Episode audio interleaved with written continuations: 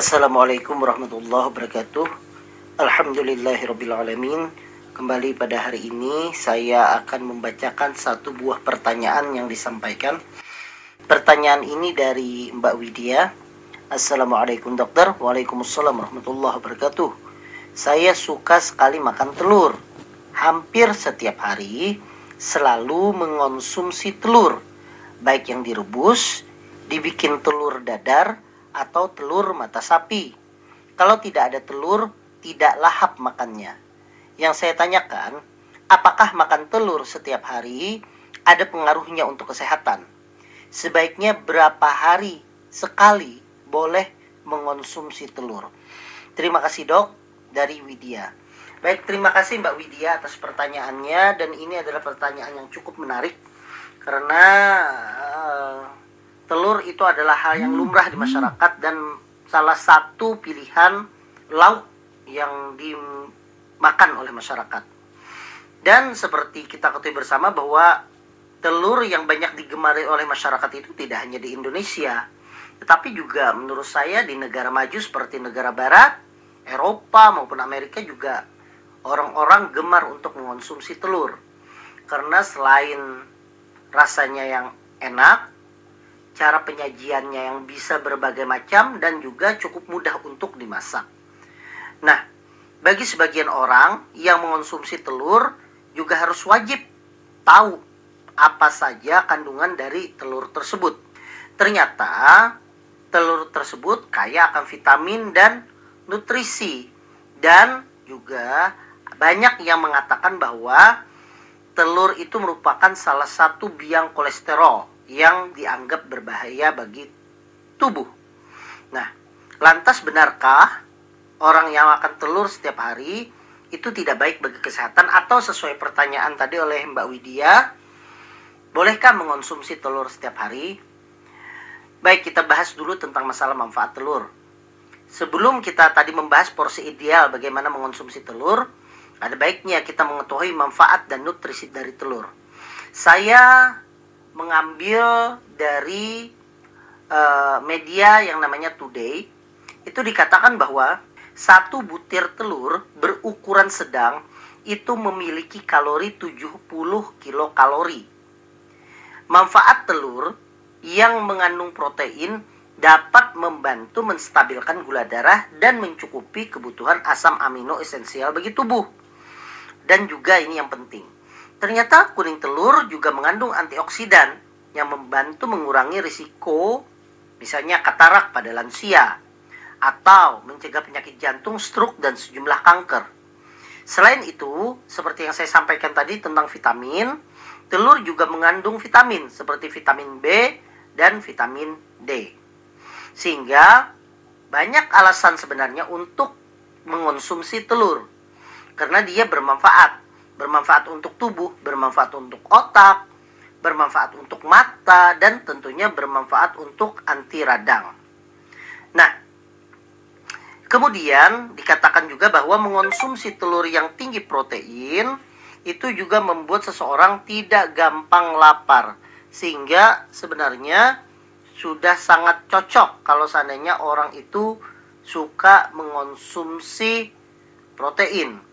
Karena kalau seandainya seseorang sedang diet, misalnya diet rendah karbohidrat, maka telur adalah salah satu pilihan karena dia itu adalah tinggi protein dan rendah dari karbohidrat. Nah, kendati e, telur itu dikatakan punya segudang nutrisi, tetapi ya perlu diperhatikan ternyata telur itu memiliki kandungan kolesterol yang cukup tinggi dibandingkan makanan yang lain. Nah, kalau kalorinya tadi mengandung 70 kalori, kalau kolesterolnya dari satu butir telur, dia itu mengandung 180 mg dari kolesterol. Nah, kadar ini memang dikatakan dapat meningkatkan kadar kolesterol dalam tubuh kita. Nah, tapinya kadar kolesterolnya mana? Apakah lemaknya itu jenuh kolesterolnya itu ataukah tak jenuh? Nah, ketika kita makan kolesterol, misalnya dari telur, zat tersebut dipecah dalam usus, namun tidak diserap sepenuhnya menjadi molekul kolesterol. Sementara lemak jenuh saat masuk tubuh akan dipecah menjadi asam lemak yang menempel dalam tubuh. Inilah biang keroknya melonjaknya kadar kolesterol dalam tubuh. Nah, dari studi itu menunjukkan bahwa makanan asupan tinggi kolesterol itu dapat meningkatkan kadar kolesterol, begitu juga telur. Tetapi permasalahannya adalah bahwa telur itu tidak sepenuhnya dia itu kolesterolnya buruk. Dia itu juga mengandung kolesterol yang baik. Sehingga sebenarnya walaupun dikatakan tinggi kolesterol, tetapi ternyata dia itu juga mengandung kolesterol baik dan kolesterol jahat. Sehingga dikatakan bahwa kandungan kolesterol pada telur itu tetap seimbang. Porsi ideal telur itu bagaimana? Seperti yang saya sampaikan tadi bahwa telur itu mengandung kolesterol 180 mg.